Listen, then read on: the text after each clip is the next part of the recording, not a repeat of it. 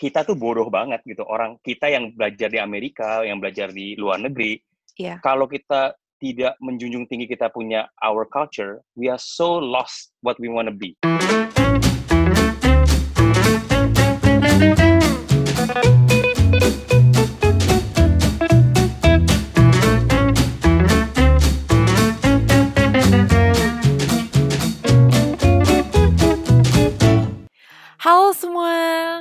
I hope you had a great weekend and 4th of July, especially yang lagi di Amerika sekarang. Nah, kalau ngomongin soal restoran-restoran hits di Jakarta, pasti salah satu list restoran yang kita mention adalah His Notable and Amazing Restaurants. Mempunyai degree di Computer Science, beliau sekarang merupakan chef dan co-founder dari The Union Group. To be more specific, Benedict Restaurants di Grand Indonesia, Cork and Screw Restaurants, as well as Cork and Screw Country Club. Bukannya itu aja, tapi beliau juga merupakan owner dari Seven Friday Space dan juga Canting Restoran di Yogyakarta. Man, he is truly an underdog, and I cannot wait to chat with the maestro itself. Langsung aja yuk, kita have an unmute session with Chef Fernando Sindu. Hai Chef, sekarang lagi sibuk ngapain di Jakarta selama masa PSBB? well basically PSBB udah mulai mau habis jadinya um, pelan-pelan kita udah mulai prepare, prepare, preparation buat opening our restaurants lah. So basically this last uh, two three weeks uh, kita banyak ngobrolin mengenai gimana cara kita bisa back to the new normal yang ini kan banyak sekali ya apa namanya uh, pros and cons about opening something in the middle of this uh, pandemi juga gitu makanya uh, cukup uh, complicated lah the last two weeks ini uh, karena kita itu nggak pernah melakukan uh, such a, apa namanya task yang begitu detail oriented in terms of health. Nah ini yang kita coba rangkumkan lah. Jadi kemarin waktu PSBB di lift dari Indonesia uh, bahwa restoran udah mulai bisa buka, uh, kita basically uh, took uh, a backseat little bit, and then we uh, took the time untuk basically preparing banget semua ini bisa berjalan dengan baik. Oke, jadi plannya sih tanggal 1 Juli semua Union uh, Group punya restoran akan buka. Tapi uh, next week uh, ada tiga outlet yang kebetulan di mallnya itu memang di mallnya itu diharuskan buka. Jadi di PP uh, sama satu lagi ada di uh, kalau nggak salah di uh, Science City. Kak, kayaknya belum pada tahu nih, kakak punya restoran apa aja nih? Boleh Oh. nggak di list nih, kayak banyak banget. Eh, banyak sih nggak. Oke, so halo saya Fernando Sindu. Eh, saya basically chef partner dari beberapa restoran di Jakarta Eh, dan eh, salah satu yang well the most known one probably are the Union Group eh, restaurant. So aku adalah one of the chef partner buat Union Group eh, memegang eh, brand Cork and Screw Country Club dan juga eh, the Benedict brand. So we have basically three restaurant uh, up and running uh, under my brand tapi sebetulnya grup kita itu uh, punya uh, total of 17 restaurant. Um, tapi in the next two three weeks, uh, sorry two three months, uh, will basically took over semua yang uh, ada di flagnya Cock and Screw dan juga uh, Benedict. So total nanti uh, aku akan run sekitar uh, 5 sampai 6 restoran punyanya Union Group. Wow, and beside of that, you also have the Seven Fridays dan juga Yes. Canting di Yogyakarta kan? Yeah, so I I also uh, own a Canting restaurant uh, in Yogyakarta and also the uh, brand Seven Friday Space. So again, uh, Seven Friday memang yang jam tangan itu uh, is our company. So we well not me, my family, um, actually my brother.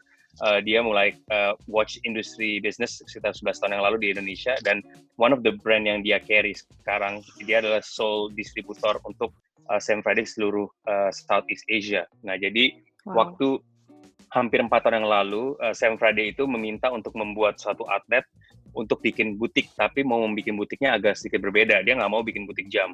So somehow karena aku sebagai chef juga udah pada waktu itu, uh, the owner of Seven Friday sendiri, the brand, uh, the Swiss guy, dia meminta aku untuk basically to partner up to create this Seven Friday space. So again, uh, we are the first Seven Friday space in the world at that time, uh, empat tahun yang lalu. But then after that, uh, the trend catch on.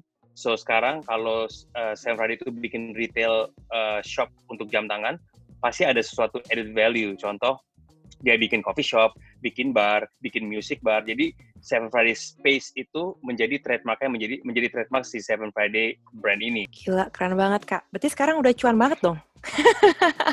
uh, kalau kalau dibilang cuan udah pasti kurang cuan, nggak pernah ada cukup cuan kan. Uh, jadi tapi am I am I happy where I am now? I'm very happy. I'm very blessed. Yeah. So uh, it's not really about cuan, tapi of course uh, siapa sih yang nggak suka uh, enjoying the you know your fruits of your work. Jadi ya, exactly. ya ujung-ujungnya ujung-ujungnya ya I'm very happy where am I uh, yeah. despite all this pandemic ya. Yes. So again, dan yeah. Kanando share ke aku beberapa minggu yang lalu yeah. bahwa you actually had a passion for cooking since you were nine years old. Betul. Sejak yeah. waktu kecil masak spaghetti yeah. dulu, nasi goreng dulu ya, yeah. hal kecil-kecil yeah. lah. Nah, yeah But then I also know kalau Chef Nando juga sebenarnya majornya itu computer science dulu. Betul. Nah, yeah. kenapa kenapa nggak langsung aja gitu ke culinary school kalau emang udah tahu suka masak? Gimana ya? Uh, uh, jadi uh, my parents are very against something and they are not professional karena driven uh, job. Uh, jadi kayak kalau dulu aku bilang aku mau jadi artis, aku mau jadi uh, apa namanya uh, chef atau apa my parents would say definitely no jadi pada zaman aku uh, the only uh, occupation yang acceptable by my parents was yeah you want to be a doctor you can you can be a lawyer and then you can also be an engineer so that's only the three things even even aku mau ngerjain bis mau masuk sekolah bisnis pun nggak dikasih sama dia jadi ya uh, as I grew up, you know, like you said, since nine years old, I like to cook. Terus karena, karena sebetulnya itu semua berawal dari aku punya mbak. Uh, I, I have a very talented banget mbak waktu itu yang jago banget masak dan aku suka ngeliatin dia waktu aku umur oh. 9 tahun dan aku uh, love to spend in the kitchen lah spending spending time waktu kata berdiri gitu sebelah dia dia ngeliatin apa sih dia like ngulek lah gitu jadi that curiosity itu akhirnya menjadi suatu mungkin passion ya yang yang aku lihat kayak wah itu food so dramatically uh, amazing dari barang-barang yang seperti ini bisa menjadi sesuatu yang berbeda gitu. Nah ini mungkin that was my uh, benih yang mungkin ditaruh juga uh, sama my mbak juga pada waktu itu ngelihat aku ngelihat seperti itu jadinya tergerak lah untuk ngelakuin. I grew up I like to cook uh, during my spare time. Uh, tapi ya secara garis besar my father was very against it gitu. Jadi uh, I have to follow his dreams. Uh, well his uh, apa namanya his prerequisite. Uh, jadi dia bilang uh, ya lo kalau mau ngerjain sesuatu ya at least ya sekolah komputer dulu gitu. Hmm. Makanya uh, my computer science degree normally people takes about four years to finish. Uh, it took me a slightly longer, almost double the time, uh, uh, almost seven years to do it.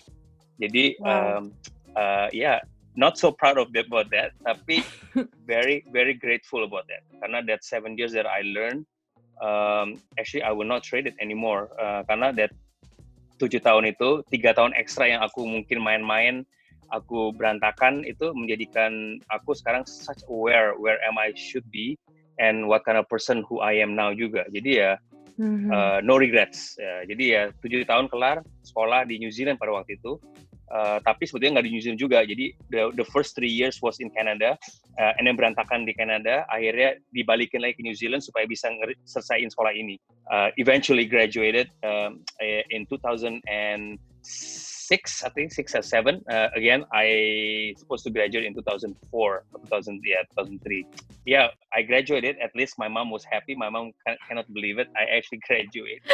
Uh, dia bilang buset aku nungguin kamu kayak aku apa aja katanya dia bilang tapi uh, setelah itu ya yeah, and then I try to pursue my dream which I uh, believe juga bahwa semuanya itu adalah uh, God's grace juga dan I'm exactly. able to do it karena uh, ya yeah, like uh, kamu bilang aku sebagai chef uh, I enroll to New, uh, Culinary Institute of America di New York pada waktu itu 2000 yes. 2008 ya yeah, basically yeah. dan you work in New York in so many amazing Michelin restaurants, yeah. Um, yeah, I I work to yeah few of it, yeah, just, just few of it, yes. And then Kanando balik ke Indonesia itu langsung join Union Group apa gimana kak? My history was like aku di New York uh, mm-hmm. itu dari 2008 sampai uh, 2012 ya. Jadi I was studying and I also internship and then I graduated. Uh, so when I graduate, I told myself that aku dari dulu pengen banget ke New York dan I am in New York City gitu. Why would I go somewhere else? Karena kemarin sempat pikir bahwa I want to go to London, maybe I want to go to Paris. But yeah. then people told me like, uh, why you want to go? Karena you are in the mecca of uh, food at that time. 2010 11 itu kayak the only three places that you should be when you if you want to be a chef, especially if you want to be an aspiring chef, is actually Paris kalau enggak di New York. And then they sell either London or maybe kalau nggak dia bilang kalau nggak London dia bilang uh, LA itu antara dua tempat itu uh, or San Francisco. Uh, so that's the, the the four places that that people always tell kalau memangnya lo mau jadi chef ya lo mesti ke sana gitu. So I'm already in New York I'm like why wanna go anywhere else gitu? So I actually went to few restaurant uh, work well first work at Oceana. At mm-hmm. that time it was uh, one Michelin uh, centric restaurant. So everything is all about fish. So but then i wasn't happy. Karena uh, again my internship was also at Michelin star restaurant. And then I told myself kayaknya aku bukan tipe-tipe seperti ini yang yang bisa ngerjain misalnya satu makanan ada delapan orang di samping ngerjain satu makanan gitu. Karena that's Michelin star restaurant. You some one you waste a lot of things at that time ya mm-hmm. tapi kalau zaman aku kayak ada kentang satu potong sampai potong sampai perfect lainnya dibuang gitu nah ini I'm I was very against it. I decided kayak aku pengen coba uh, uh, restoran lain. So I found this restaurant called Boqueria. At that time was the best Spanish restaurant in New York. And then the chef was actually an alumni juga dari uh, suatu institusi Michelin, uh, John George yang sangat terkenal di New York. And then he basically sold the idea kayak lo mau kerja sama gua, lo akan belajar banyak dan lo akan gua ajarin dan lo akan dapat Michelin star kind of uh, philosophy tapi your food is not Michelin star but still good food jadi that way I was kind of intrigued by him so I'm like okay I follow mm. you lah hmm. so I did follow him and then uh, under him two years with him two and a half years I learned so much I jumped from uh, basically from a cook uh, I come in as a cook uh, and then I actually become a chef uh, after I finish in Boqueria nah jadi ceritanya kenapa aku balik ke Indonesia itu karena aku tadinya mau pulang ke Indonesia itu mau perpanjang visa aku. So visa aku mau aku perpanjang supaya aku bisa lebih bisa kerja lebih lama lagi di sana. Tetapi ya again uh, I also believe that uh, God has to do with it. 2012 aku tidak dikasih balik dengan cara bahwa pada waktu itu Obama uh, kabinet basically memprotek semua pekerjaan-pekerjaan yang ada hubungannya sama upper management level. Jadi semua dipulang-pulangin. Uh, so I went home. Tadinya mau mau buka restoran sendiri, of course. Merasa kayak I'm ready segala macam. Tapi di satu sisi aku nggak berani. And then hmm. my, my dad was like ya kamu emang mau pulang? Emang kamu harus di kawasan pulang. Kalau gitu kamu bikin sendiri aja gitu. And then aku, aku belum siap. Aku bilang mentally I wasn't ready yet. Beda ya mungkin karena aku di trainnya dulu dengan cara very old style. Uh, kalau anak-anak sekarang tuh baru sekolah lulus baru internship dua bulan pulang langsung bikin restoran karena mereka merasa they able to do I basically started this uh, pop-up movement. Jadi kalau 2012 di Jakarta mulai ada kayak pop-up brunch segala macam, I was one of the pioneer uh, to do it with my wow. at that time with my friends uh, also a chef named uh, Chef Ivan Wibowo. So mm-hmm. there was there was our the, our entry to the uh, F&B industry di Jakarta. So 2012 we 2013 we started this movement called pop up by basically kayak kita pinjam tempat yang mungkin tempat itu nggak rame atau tempat itu nggak dipakai over the weekend and then we start uh, re, apa start a small restaurant. Tapi before that it was actually all started by private dining. Jadi semuanya itu dimulai dengan hmm. private dining karena kita nggak mau kerja di hotel, kita kerja aja deh di apa namanya cari cari market orang mau nggak kita masakin kita datang ke rumah dia. So there was the uh, the idea was very simple, you know, you just want to do something kreatif tapi nggak di nggak di restoran gitu. Of course sekarang semua orang ngelakuin pop up karena it's such a easy thing to do kan to be exposed. Tapi zaman kita kayak orang masih nanya gitu who the hell are these two guys gitu lo tiba-tiba mau mau mau mau masak-masak buat kita mas siapa gitu jadi so hmm. yeah again through word of mouth we did private dining for first six months and then we get confident and then after that we start to do karena aku kayak aku pengen ngelakuin lebih besar lagi nih nggak mau cuman kayak bisa private orang 10 orang makanya kita memulai this movement called pop up uh, branch we started uh, two years later, uh, I met with the union group, and then the union group basically asked me and also uh, to talk to me, and so we talked, and then we got connected, and then we basic, basically decided to open a restaurant together in 2015. Nice. So that's how I met the union group. Ya, through pop up brunch ya berarti. Dari story Kanando, kayaknya you're the type of chef yang nggak pernah puas ya. And then that that makes me wonder, um, banyak banget menu di Benedict Jakarta, uh, di Court and Hmm. Screw, um, di Country Cup juga yang hampir tiap tiga bulan tuh ganti. Ada aja menu baru. Yes. Where you get those creativity from? Apakah di saat lo do a morning jogging, lo dapet, aduh gue pengen buat ini nih, buat restoran gue. Atau dapet dari mana sih itu So yeah, inspirasi? I, you know to be honest, uh, I don't know. Yeah, again, I I was never always be the smartest kid in in in the block. You know, aku to be I just want to be honest with you guys bahwa uh, aku itu always top 10 from the bottom uh, when I was in high school. Uh, not in high school, in when I was in Jakarta, right? Uh, in my junior years segala macam. Cuman Top 10 from the bottom. top 10 from the bottom, yes, not top 10 from the top. Kalau top 10 from the top is my brother. Jadi mamaku selalu kalau kalau dia mau ngambil rapot pasti ngambil rapotnya ngambil rapot eh, kakakku dulu biar dia happy dulu abis itu ke aku. Tapi kalau dia lagi pengen kalau dia pengen mau nanti happy-nya dia ngambil rapot aku dulu baru ke kakakku. Jadi ya ya ini is a joke Hmm. tapi it's actually happen gitu ya. Ya mungkin bukan karena bukan karena aku eh, quote and quote ya, aku bukan aku bodoh, tapi mungkin karena aku orangnya itu don't really take pay attention of things that I don't like. gitu. Ini Mhm. aku yang aku found out sekarang. Tapi uh, again, when I was at culinary school, I was actually top three graduated in my year. So I just feel like when when you come talk to me about food, itu somehow di brain aku tuh ada suatu interaksi sendiri yang aku nggak bisa explain. Uh, So that's how my mind works. Ya, M- Ya mungkin, mungkin, mungkin. Mhm. Jadi aku lihat sesuatu kayak misalnya aku makan sesuatu, I can dissect the the, the food. Ya walaupun nggak 100% aku bisa, tapi aku kayak kira-kira aku tahu gitu. Walaupun not really know the food, what is the food is is about gitu. Tapi aku kira-kira tahu, oh, kira-kira ini bisa ke sana ya. Mungkin because the the the foundation aku punya juga masak sekarang. Tapi ini Mhm. bukannya cuma sekarang, ini dulu pun juga sama. Waktu aku masih kecil umur 15 tahun, eh, masih aku umur 13 tahun, aku bisa dissect, aku udah makan ini kok tiba-tiba ada rasa ini kok very common ya gitu. Tapi tiba-tiba oh ini babi, ini basically minyak babi gitu. I can basically uh, this this kind of alert itu ada di kepala aku gitu. Nah, Hmm. creativity comes from experience. I believe that. Okay, you can be as genius as you are, tapi your experience is zero, you cannot go anywhere. Jadi Iya. kalau aku bilang di mana pun aku ada, aku travel, aku pergi, pasti nomor satu yang aku lakukan adalah aku datang dulu ke uh, food area juga, whether it's pasar, whether it's a market, whether it's a small uh, apa namanya grocery store or a Michelin star restaurant. I always try to go and immerse myself. Jadi aku Hmm. percaya bahwa if you don't immerse yourself, you cannot get this kind of feeling gitu. Makanya, how can my food be uh, creative? Karena satu, I travel a lot. Kedua, I'll- I eat a lot. Uh, I always try to new things. Uh, Uh-huh. Jadi whether is makanan Indonesia, mau makanan uh, Peruvian, makanan apa pun yang nggak tahu, aneh-aneh pun aku cobain supaya aku tahu rasanya. Uh, Mhm. and then the third thing, I also uh, read a lot. Jadi I like to buy books. So I think those three combination from your talent and also maybe your experience and also your humility bahwa you always have to evolve itu somehow keluar aja gitu. Sampai hari ini aku juga kayak di PSBB I have created I think literally almost maybe 20 to 25 menu yang is already ready to be launched in my Wow. outlet. Jadi kayak bes besok di uh, CSCC kita ngeluarin 15 new, new menu yang belum pernah kita keluarkan. Karena dari PSBB ini aku coba-coba lah ini tiba-tiba kombinasi ini segala macam. Ya again food is all about combi- combining power kan. Jadi kayak Iya. kamu punya sesuatu as a base and then you can top on the base. Jadi Mhm.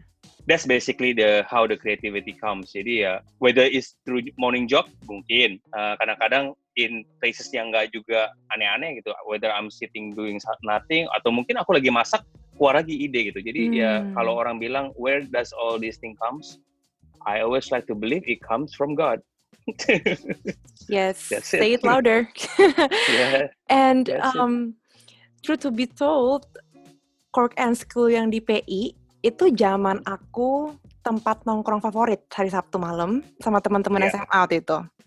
Yeah. Nah, uh, I would say I'm an observer person. Gue suka observe things.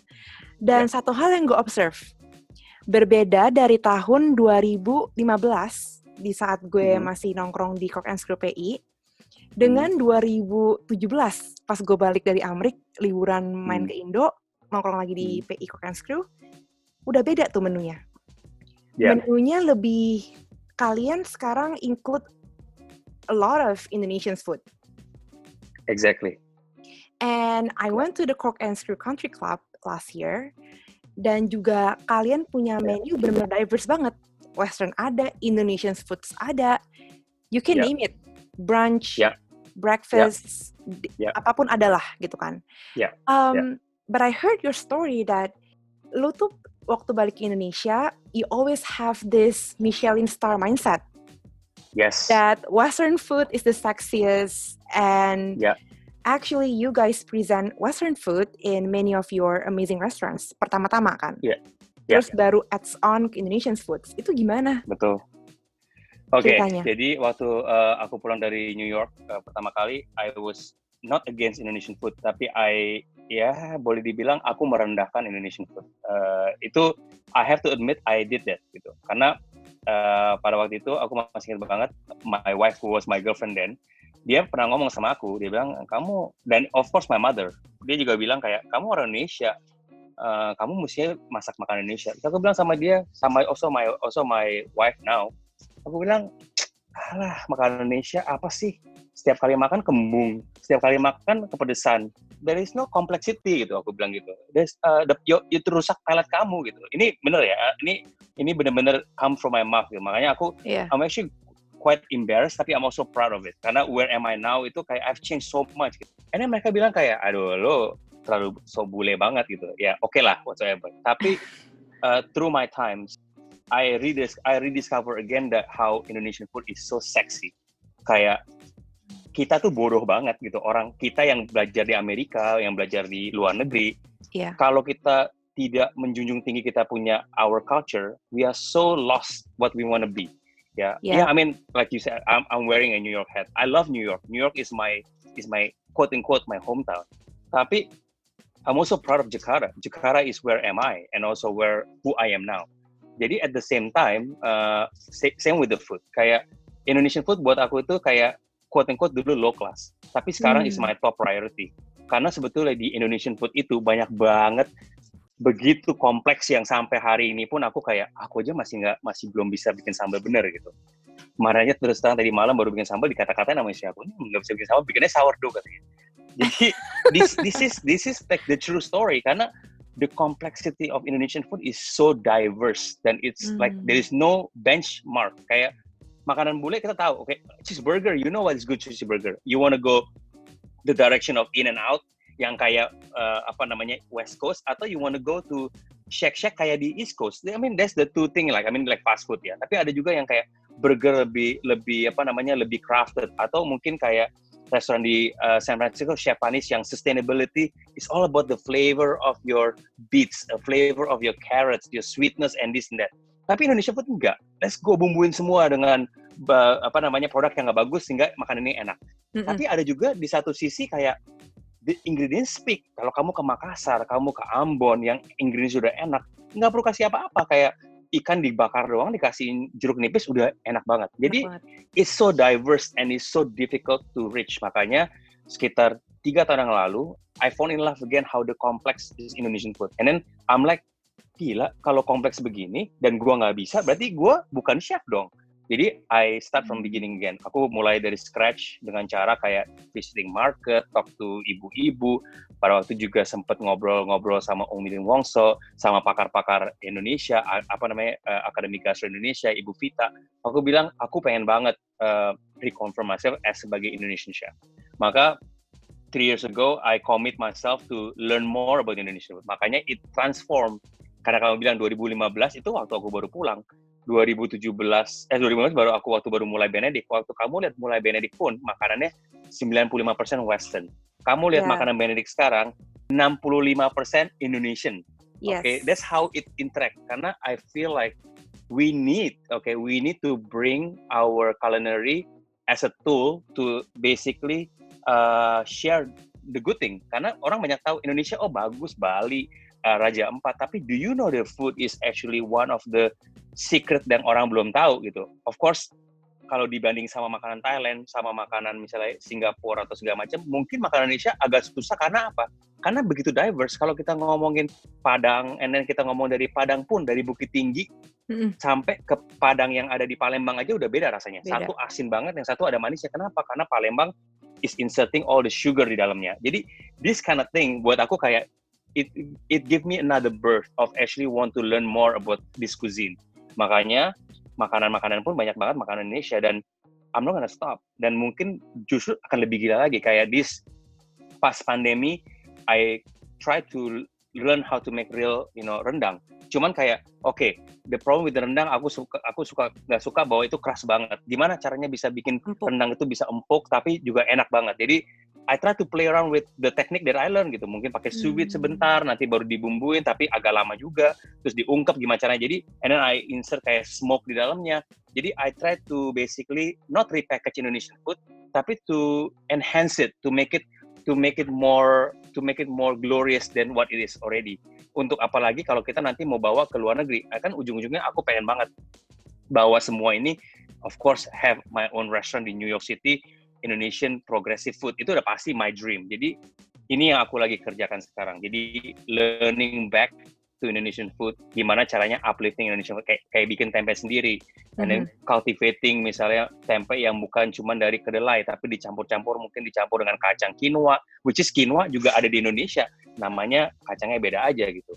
Yeah. Um, so yeah, this kind of thing kayak it gives me every day that I learn more about Indonesian food, it gives me more chills that I I'm so nothing and I'm so quote unquote dumb about all this cuisine. Makanya kayak giat banget dan makanya itu transform langsung ke transform ke aku punya restoran makanya semua restoran kita apalagi di Union Group juga restoran mulai udah lari ke sana. Jadi we are focusing more to our Indonesian food that we want to uplift.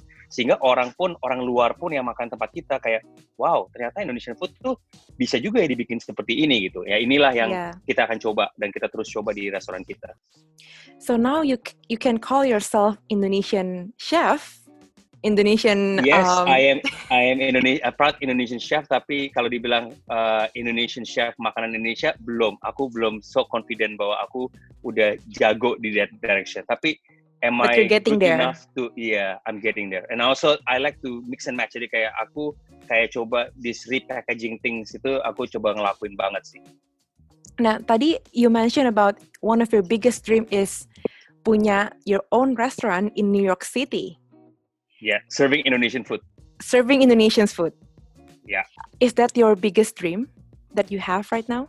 That was one of my dream. Uh, my, one oh. of my dream. Kenapa? Jadi yeah, one of the, the dream kenapa ke New York?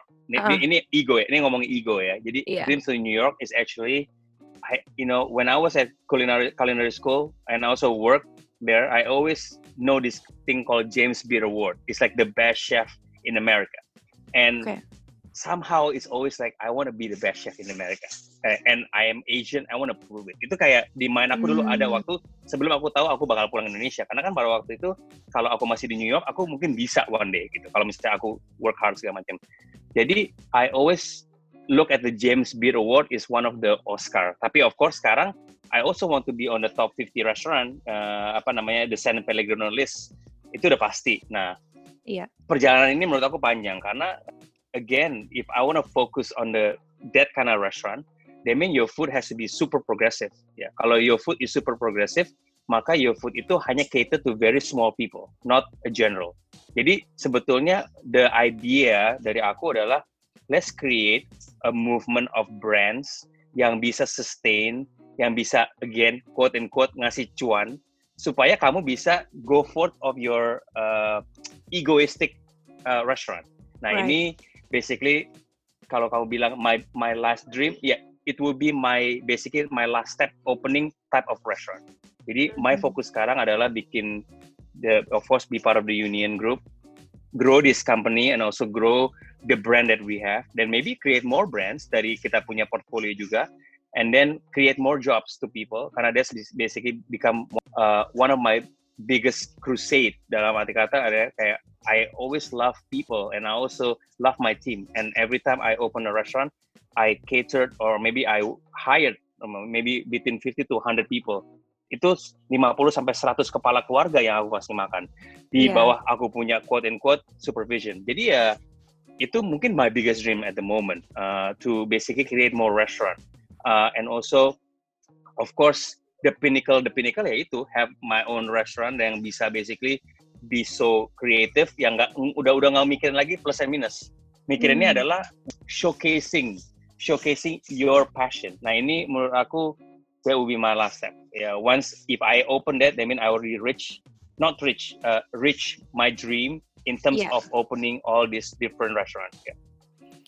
you seems very strong both physically and mentally um, but I just wonder pernah gak sih seorang chef Fernando Sindu merasa bahwa dia gagal dan uh, you reach your lowest point in your life ever I've reached that point actually two times in my life. Uh, the first one is when uh, I was berantakan di Kanada, and then aku hmm. ditarik papaku pulang uh, sebelum menjadi sebelum ke New Zealand lagi uh, to finish my degree ya. Jadi aku tuh ditarik pulang sama papaku untuk basically refresh my my memory to become a better person. Jadi aku itu ditarik pulang 2005, 2004 sorry 2004 tarik pulang. Actually karena papaku sakit cancer at that time. Okay, I came home uh, I've basically full around in Canada, my first degree yang belum kelar, and then my father has cancer, and then what do I, what am I gonna do with my life gitu? And then my my brother at that time is already finished his master. Oke, okay, dia udah kelar hmm. semuanya, dan dia cuma beda tiga tahun sama aku. Jadi hmm. dia kayak bukan ngata-ngatain, tapi dia kayak, oh my god, you like the scum of the family and stuff like this, kayak you worthless lah pokoknya. Hmm. Um, also my my my brother my father was so disappointed with me dia udah gak mau ngomong sama aku and then at that period that's when I uh, found uh, refound God again so that's basically you know how I confirm yeah. myself to want to be a good Christian and stuff like this and then uh, my mom was actually always the uh, person yang selalu di belakang aku dan dia selalu percaya sama aku dan that was my hmm. lowest that definitely my lowest karena uh, I almost enroll to become a pastor Uh, jadi aku tuh hampir di sekolah lain sama papaku ke Malang untuk jadi pastor.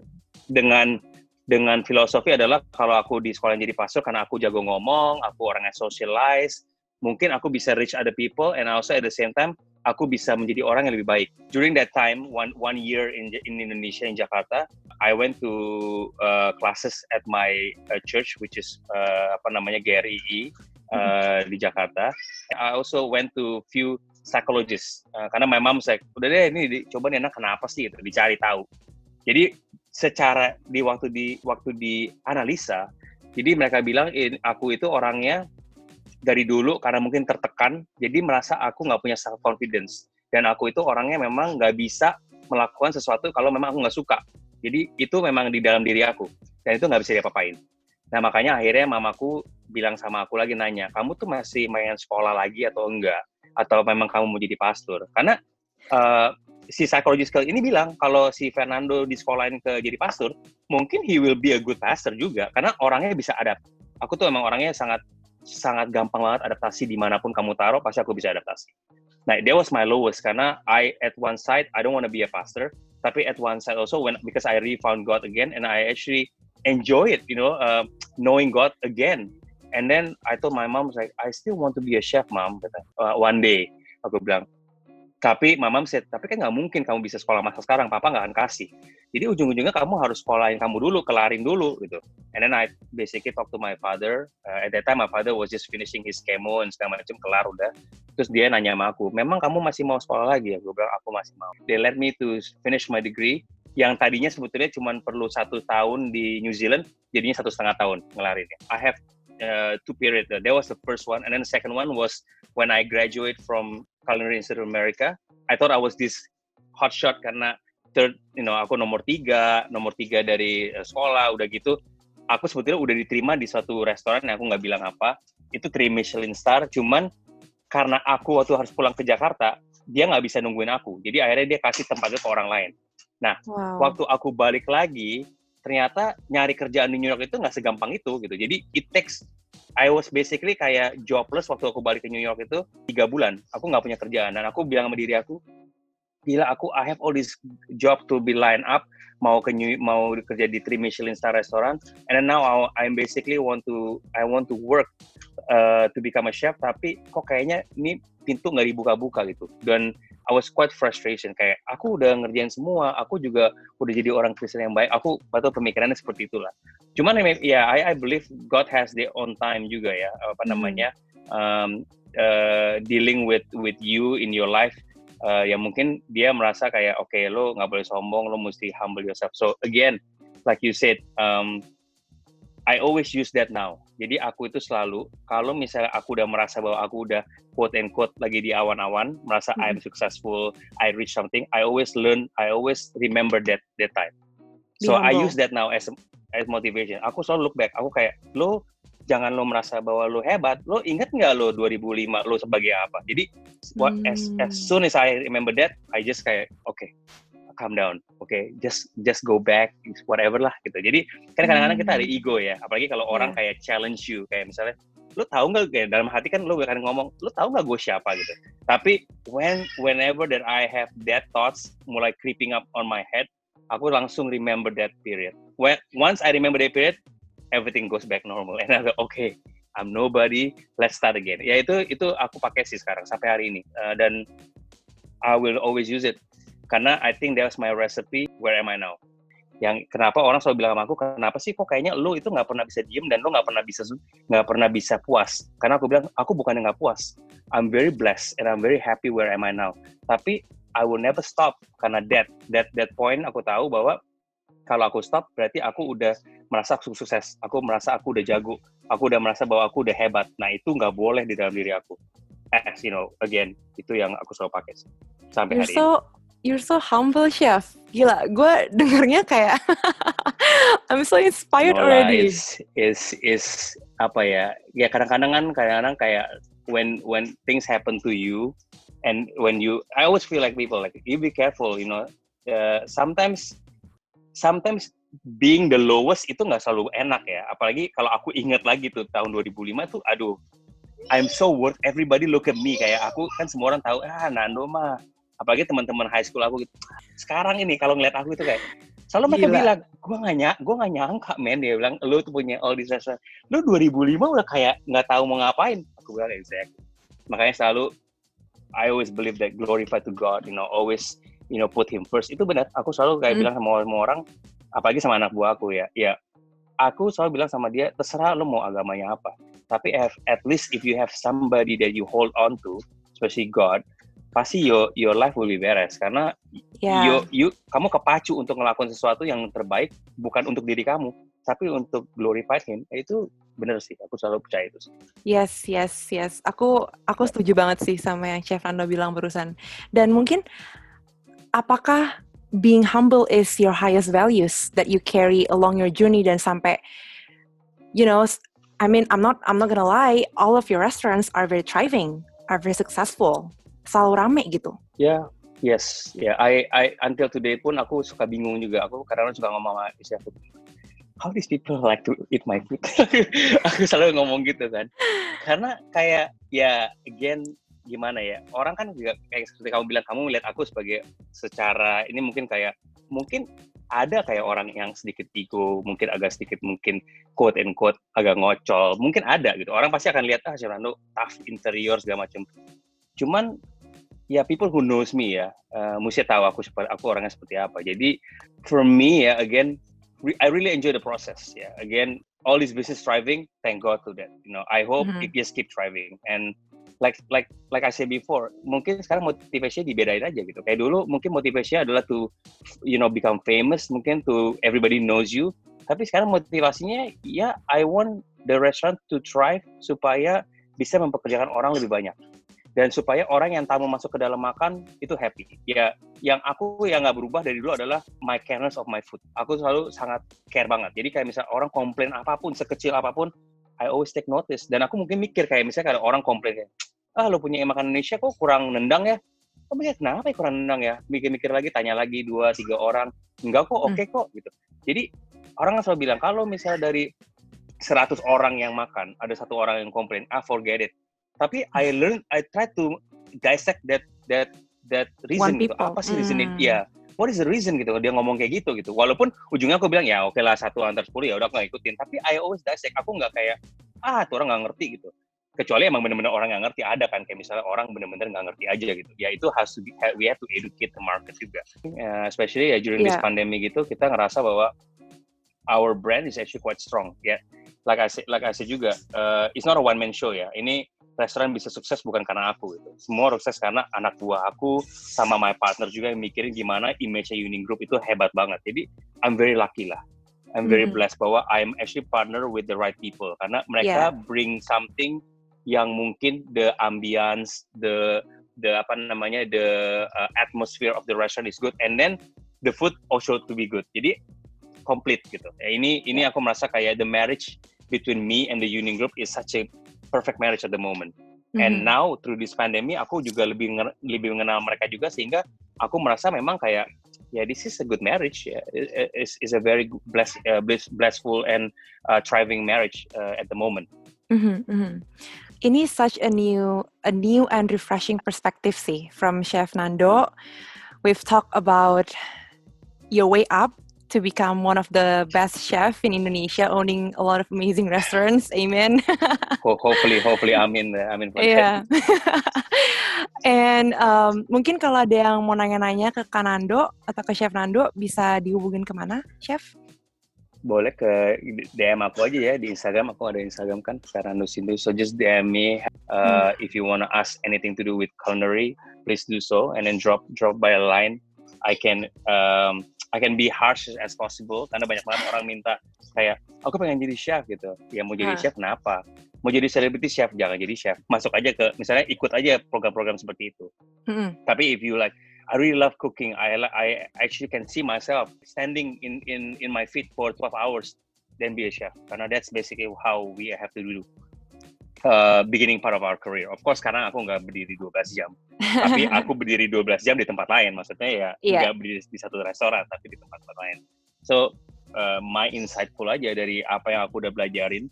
Mungkin some of the things that I say maybe might be a cliche, but it's actually true. I mean, everything that I told you today is is is not is is nothing to do with uh, quote unquote my pencerahan or maybe for me to uh, to portray myself. No, it's, it's actually what yeah what I have been through. Um, and I need to share this to people, and I, I love actually love to sharing this to people. Makanya sampai hari ini, um, I'm always sharing to my kids who works with me. I said, do you know that you know kayak misalnya orang tukang cuci piring, do you know that I was once at your position?